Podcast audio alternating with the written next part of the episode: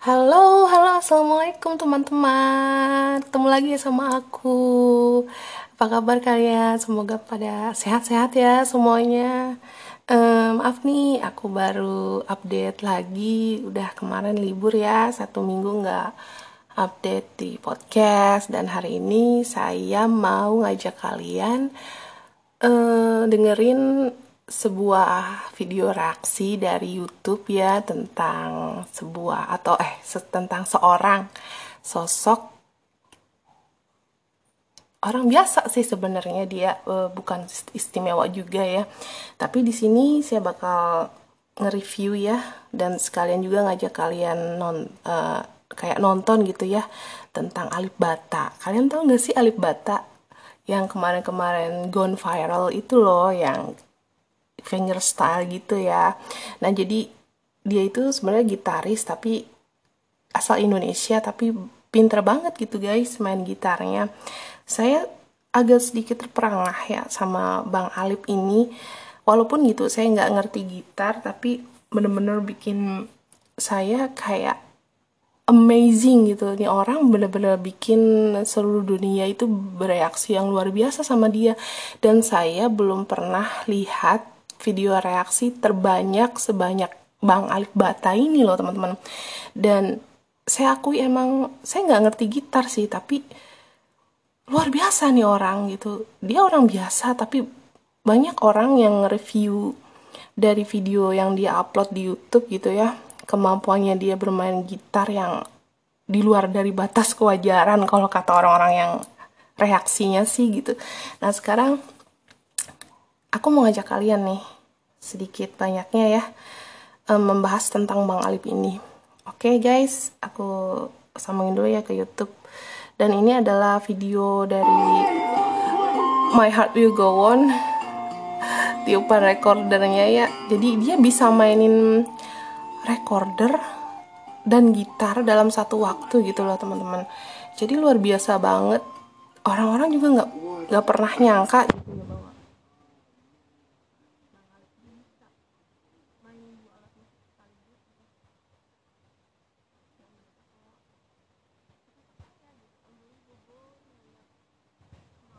dari orang ini ini orang Indonesia loh.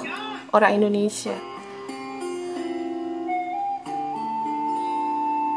Aku lagi lihat YouTube ya teman-teman. Dan benar-benar kayak mereka itu kayak speechless lah banget gitu ya.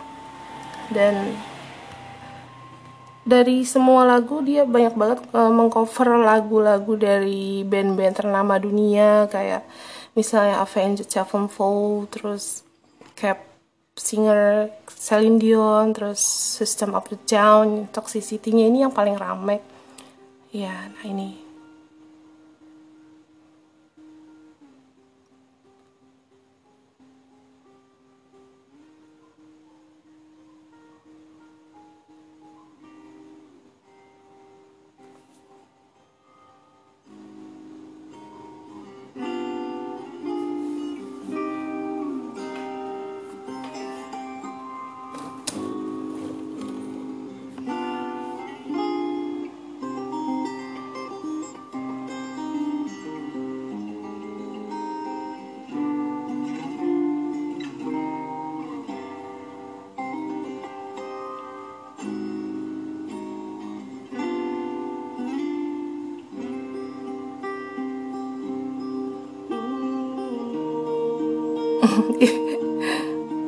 sambil nyanyi.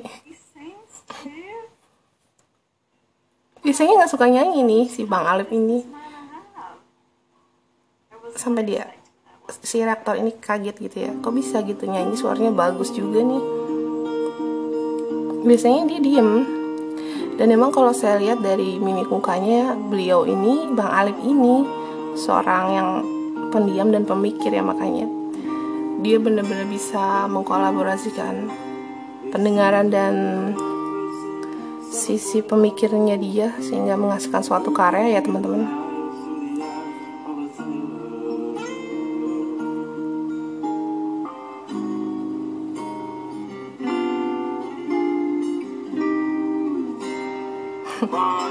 Mantap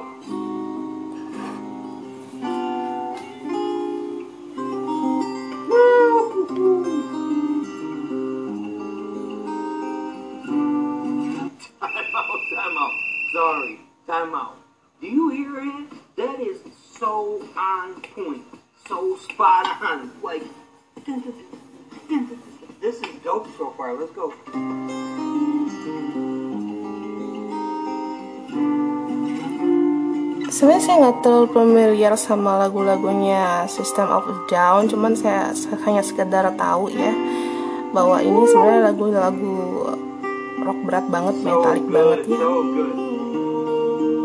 Saya tahu dari SMA lagu System of the a Down ini keras gitu ya out, coach. Time out. My man is singing. He's singing. Yo, hold him up. What is going on? Selain dia bisa gitar ternyata suaranya bagus juga ya teman-teman. Kalian boleh deh nanti di searchingnya di YouTube. Ini saya yakin ini adalah video reaksi terbanyak yang bikin orang-orang di luar sana jadi gila teman-teman. Beneran deh serius. Dan eh, mimik mereka tuh kayak nggak nggak bohongan gitu. Kayaknya bener-bener mereka tuh terpana terpesona amazing sama satu orang ini gitu Really awesome. benar-benar menakjubkan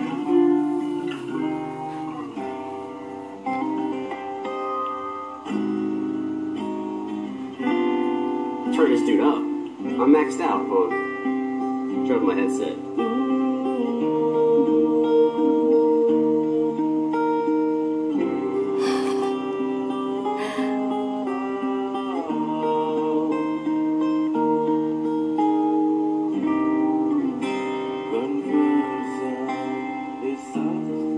Okay.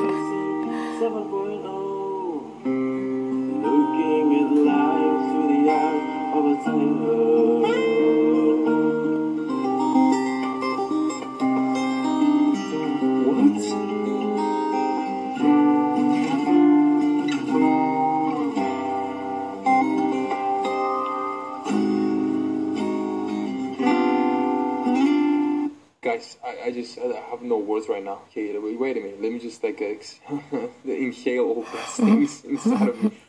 What is going? This is an incredible cover, guys. Wow, how he created it. saya yakin yang eh, kreator ini bukan orang biasa ya mereka orang-orang pintar dan salah satunya juga ada dari gitarisnya Dragon Force Not the actual lyrics, but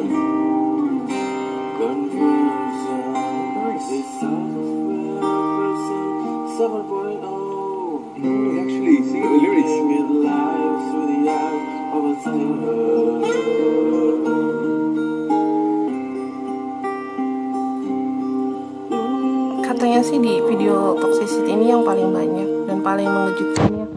Tapi ada lagi satu dari Celine Dion itu yang dia bisa memainkan dua alat musik sekaligus teman-teman. Jadi bisa suling eh bukan suling recorder. Main recorder di tangan kanan sama main gitar satu petikan pakai tangan satu gitu tangan tangan kirinya ya ampun beneran. Dia tuh luar biasa banget sih. Saya nggak pernah sebelumnya emang emang susah sih gitar nggak pernah bisa dimainin sama satu tangan ya.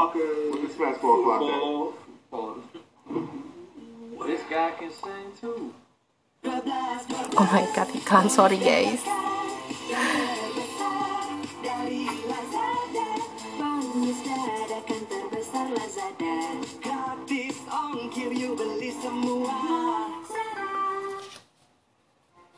Netizen baik hati, pelit pulsa Besti pakai GoPay, cashback sampai 50%.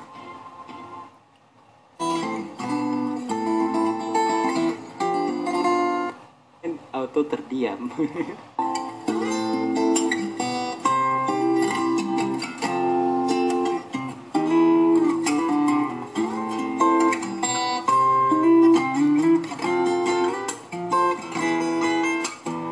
suka yang paling saya suka itu yang versi Celine Dion sama yang Avenged Sevenfold yang dilihat karena emang itu lagu kesukaan saya ya teman-teman. Liriknya Avenged. Kalau nggak ini yang Linkin Park yang 6 oke let's check it out. Ini bagus banget sih serius. Ini benar-benar luar biasa sih. Gayanya benar-benar mantep banget terus bikin orang-orang unbelievable yeah. cover of Numb, originally done by Linkin Kalian Park. tahu of kan. Linkin Park? And before we start, guys, I have to really thank you ya. because you Alipers, the fan base of him, you guys did not only gave the last push to my 10k subs, but you went above and beyond. Meanwhile, we're already over 12k. And you guys were a big part of that. So thank you very, very much for the support. And luar you semua also got so much response and response that I'm And a lot of you guys me don't that believe how did he do this? kind of. Gimana I, dia, assume. bisa gitu saw, itu semua uh, benar-benar luar biasa. Ini orang Indonesia loh, kita patut bangga. And that guy had like over 100,000 subscribers. So thank you very much. I feel, I mean, Kita sebutin aja ya. Nah ini again the same guitar. the same guitar with the same background guys. it's the same brand. Asik banget sih.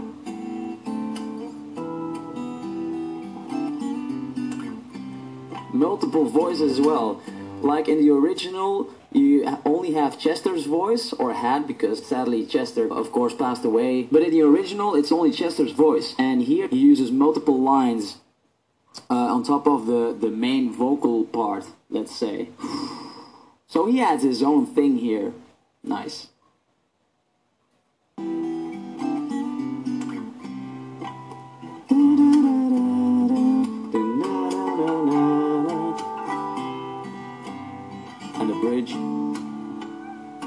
What? How did he do that? How did he do that? I want to see that again.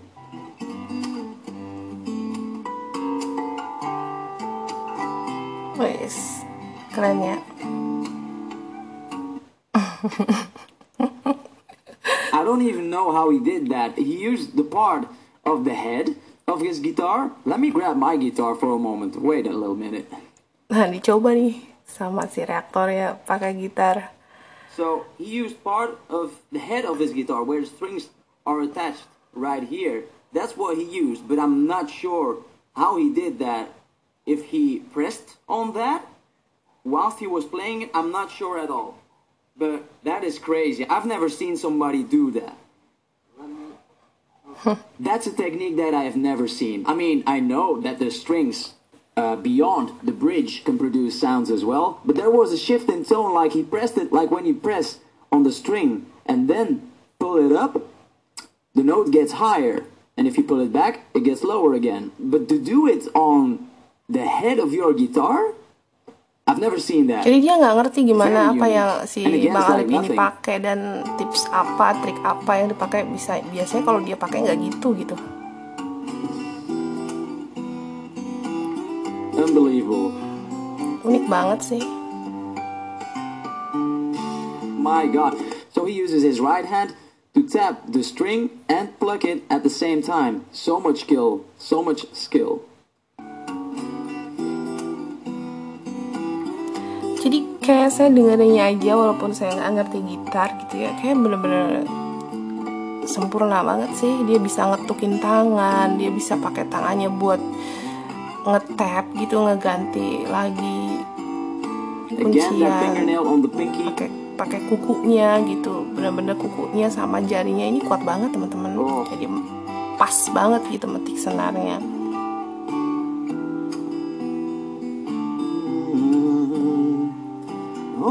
too tightly.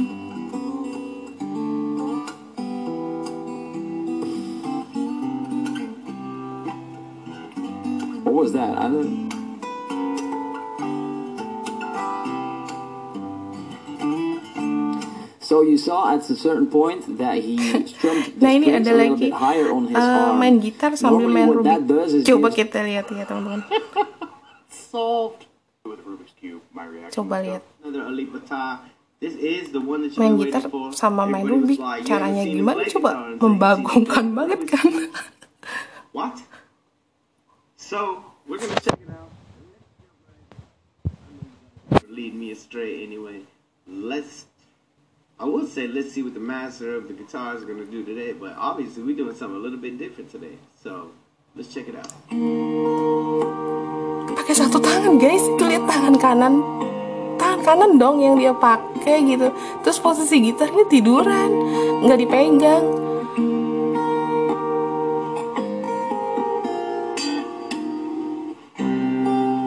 sambil satunya topang dagu coba lihat tangan kirinya eh kalian nggak bisa lihat ya seru banget sih reaksinya. Sampai bikin saya nggak ngantuk loh ini. Padahal udah jam berapa jam setengah empat pagi. A guitar while it's on the ground. With his hand on his chin, his elbow on his knees, like it's nothing. mereka aneh gitu.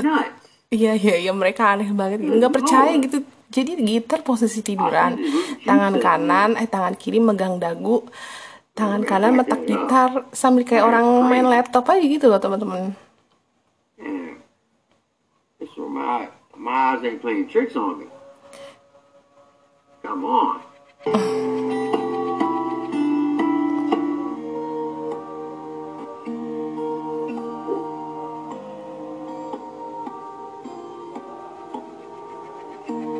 Ya skill bermain gitarnya di atas rata-rata sih. Kayak ini orang jenius banget ya IQ-nya di atas rata-rata. Otaknya tuh kayak mampu kebagi-bagi loh fokus ke sana ke sini. Jadi secara sam- bersamaan gitu jarang banget sih orang yang kayak gini gitu ya. Jenius banget sih jenius gitar banget gitu. Main gitar pakai tangan kiri guys. Terus dia metik gitar pakai tangan kanan. Ini nggak wajar sih saya nggak pernah lihat yang begini ya susah ya jelas. Pakai gitar itu kan harus tangan dua gitu kan ya.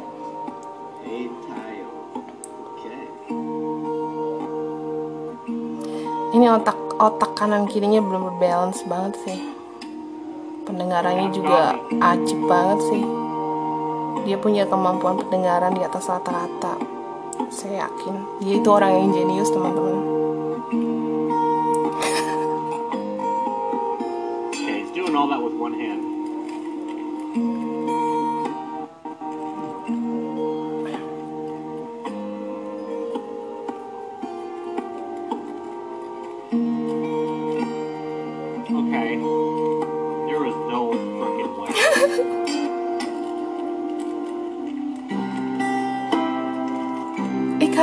Indonesia harus tahu loh kita punya banyak orang hebat loh termasuk Mas Mary.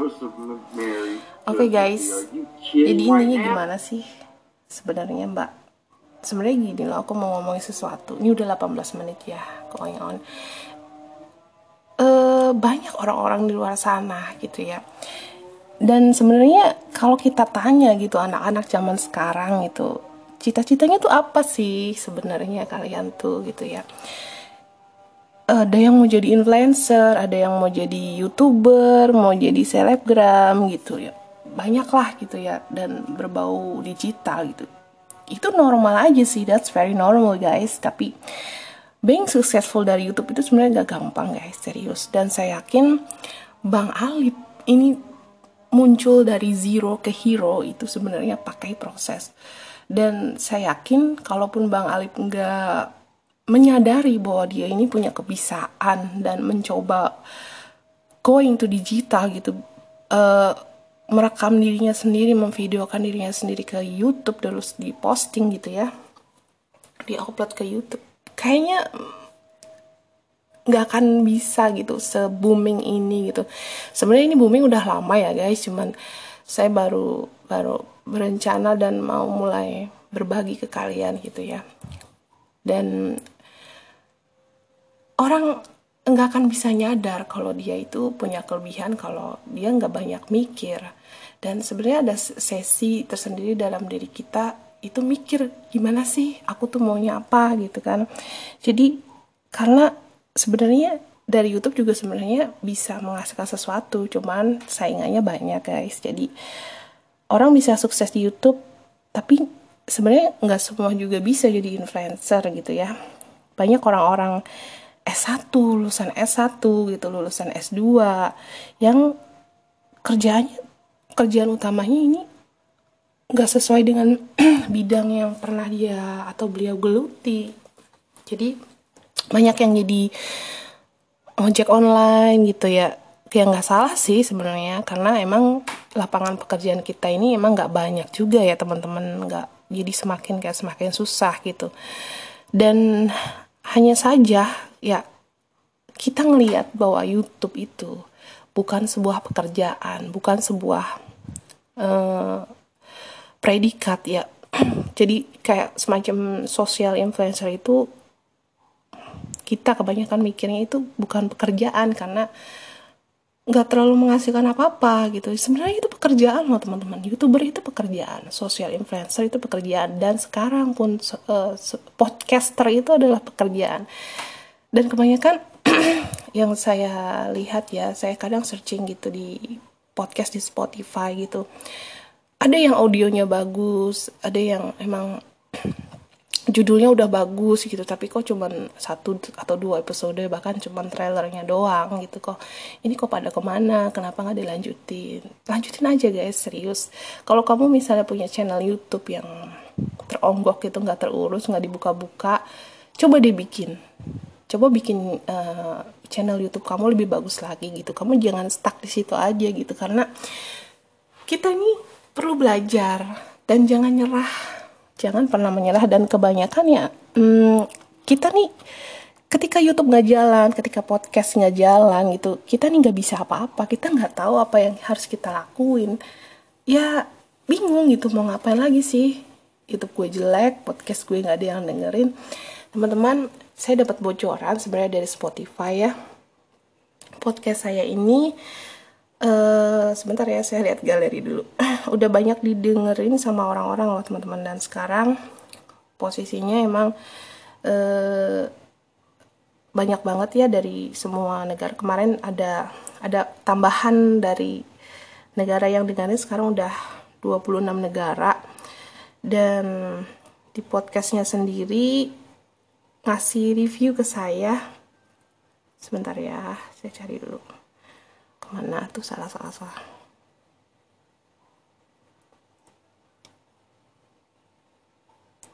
Nah, ini dia.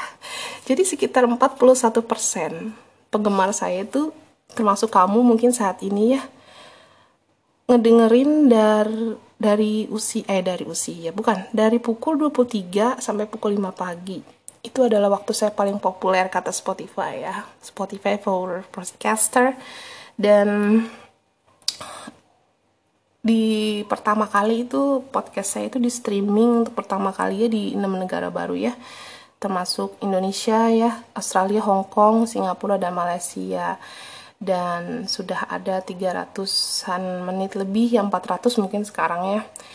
Karena ini keterangannya masih di 23 episode dan ada 34 pendengar itu mendengarkan saya, podcast saya di hari podcast internasional dan lima penggemar itu menghabiskan hari ulang tahun mereka dengan mendengarkanmu katanya. Ya, alhamdulillah sih, puji syukur banget ya. Berarti kalian masih mau mendengarkan saya. Terima kasih banyak loh ya. Dan sedikit bocoran juga bahwa sebenarnya pendengar demografi pendengar saya ini yang terbanyak di usia 28 sampai 34 tahun. Seumuran sih ya, sekitar 26% dan terbanyak kedua itu di posisi 23 sampai 27 tahun di 21% dan 18 sampai 22 tahun 20%, 35 sampai 44 20% dan sisanya 0 sampai 17 4%, 45 sampai 59 tahun 8% dan 60 plus itu hanya 1%. Dan pendengar terbanyak masih di posisi male laki-laki yang 50% lebih ya. Yang nih kapan nih female-nya naik? Female-nya kok nggak naik-naik? Jadi ini buat review saya juga tahun depan kalau misalnya diizinkan kembali masih diizinkan gitu ya saya bikin podcast dan saya punya jalan di sini gitu semoga Allah mengizinkan dan memudahkan ya teman-teman dan uh, sebenarnya kembali lagi ya ke topik awal gitu jadi sosial media, sosial influencer, podcaster ataupun youtuber itu adalah pekerjaan teman-teman. Tadinya memang saya berpikir bahwa bikin podcast adalah iseng. Bikin podcast itu sebenarnya memakan waktu. Seperti kita dan podcast juga merupakan suatu pekerjaan teman-teman sebenarnya kalau kita geluti ya. Walaupun kita mikir uh, belum di menghasilkan apa-apa nih belum di monet sama Spotify-nya atau anchor-nya gitu ya. Uh, sih kerjaannya apa sih sebenarnya yang nggak punya kerjaan apa-apa sih seorang podcaster itu. Jadi ya di rumah doang gitu ya kayak misalnya kamu harus belajar gitu kayak youtuber gitu nyari materi gitu misalnya baca buku atau misalnya nulis gitu dan itu pun pekerjaan kan. Kalau kalian geluti sebenarnya kalian tuh kayak lagi ke sekolah aja gitu kayak kalian itu dalam masa pendidikan gitu kan. Nah di zaman nanti juga sebenarnya eh, kayaknya gitu ya sukses itu nggak dinilai dari ijazah loh teman-teman. Sukses itu nggak dinilai dari kamu kelulusan apa lulusan universitas mana gitu. Sukses sukses itu dinilai dari kreativitas apa yang apa yang dinilai gitu. Ya misalnya kayak Google sama Apple aja sekarang lo nggak nggak mengutamakan ijazah. Do you believe that? Mari silakan kita bisa searching ya. Jadi sekarang udah nggak melihat ijazah lagi S1 S2 S3 apa gitu ya yang yang bisa diterima yang penting kamu bisa punya keahlian apa yang bisa dipakai gitu. Dan ketika kamu sedang bekerja sekalipun jadi jangan anggap kerja itu kerja cuman cari uang itu. Jadi anggaplah kerja itu adalah belajar teman-teman. Jadi ketika kamu melakukan sesuatu you just keep fucking doing it. Jadi lakukan aja gitu. Jangan terlalu banyak mikir. Jangan terlalu banyak sadar bahwa I in zero gitu. Saya sekarang berada di posisi nol misalnya. Saya yakin Bang Alip tadi yang saya kasih tahu tadi, dia pun posisinya tidak terlalu punya banyak privilege ya yang saya lihat. Dia orang yang benar-benar low profile apa adanya, tidak punya fasilitas mumpuni, bahkan di videonya pun sangat sederhana sekali ya kalau kalian mau lihat YouTube channelnya gitu di Bang Alip Bata dan kalaupun kalian ngerasa malas gitu ngelakuin sesuatu misalnya ah malas ah bikin YouTube ah malas ah bikin podcast gitu ah malas ah jadi influencer ngapain juga gue capek-capek gitu ya apa Instagram kalian masih acak-acakan gitu ya.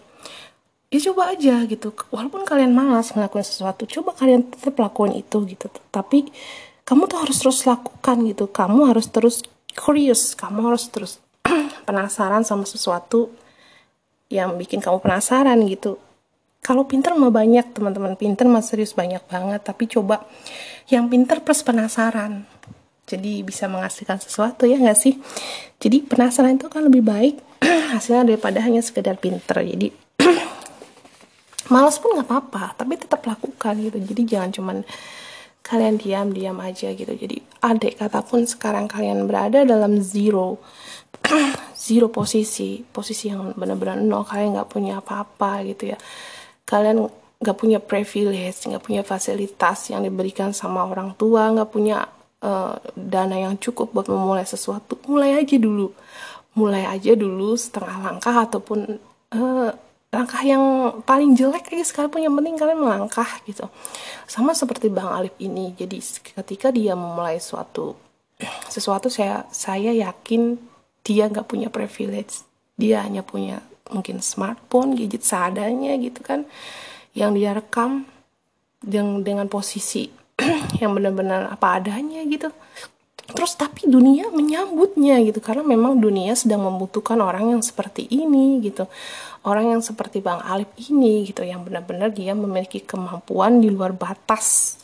Yang dia sadari bahwa sepertinya saya mampu Bismillah saya mulai gitu. Dan saya yakin akan ujungnya akan menjadi seorang hero atau seorang pahlawan. From zero to hero.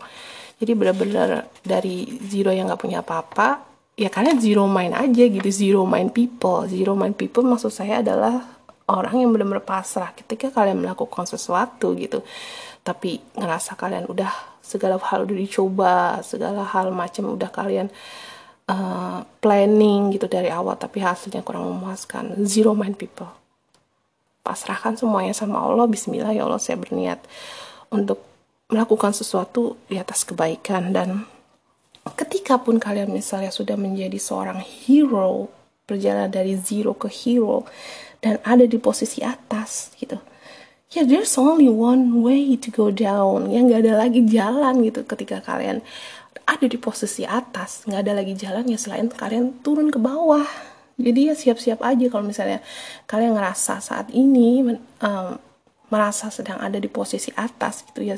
Kalau kalian nggak mau belajar gitu nggak mau ngimprove diri kalian buat tetap ada di atas alias belajar untuk berubah gitu uh, ya kalian nggak akan ada jalan lain selain kalian turun gitu pas lagi di atas ya lo harus turun gitu jalan ke mana lagi gitu ya nggak sih? Jadi ya from zero to hero ini sebenarnya hanyalah ungkapan. Tapi sebenarnya bisa juga jadi kenyataan atau bisa juga malah jadi sebaliknya loh. From hero to zero dari zero ke hero dari hero turun lagi ke zero. Maksudnya ketika kalian sudah menjadi merasa menjadi hero zero kanlah diri kalian gitu zero. Kanlah diri kalian seolah kalian tuh nggak punya apa-apa. Tetap low profile teman-teman. Tetap belajar. Tetap menjadi zero man people. Alias mengutamakan kepasrahan setelah apa yang kalian lakukan. Sudah benar-benar maksimal. Oke terima kasih teman-teman sudah mendengarkan podcast saya.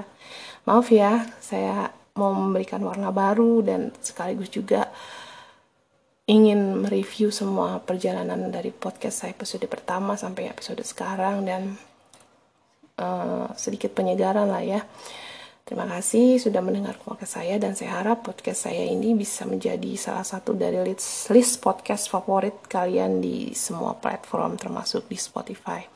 Karena memang pendengar terbanyak saya di Spotify dan semoga saya diterima sebagai teman baik kalian bukan hanya hari ini tapi untuk next ke depannya semoga podcast saya ini bisa menjadi lebih baik menjelang tahun 2022 kamu punya rencana apa di tahun depan? Ayo kita rencanakan kita list mulai dari sekarang ya. Oke okay, bye bye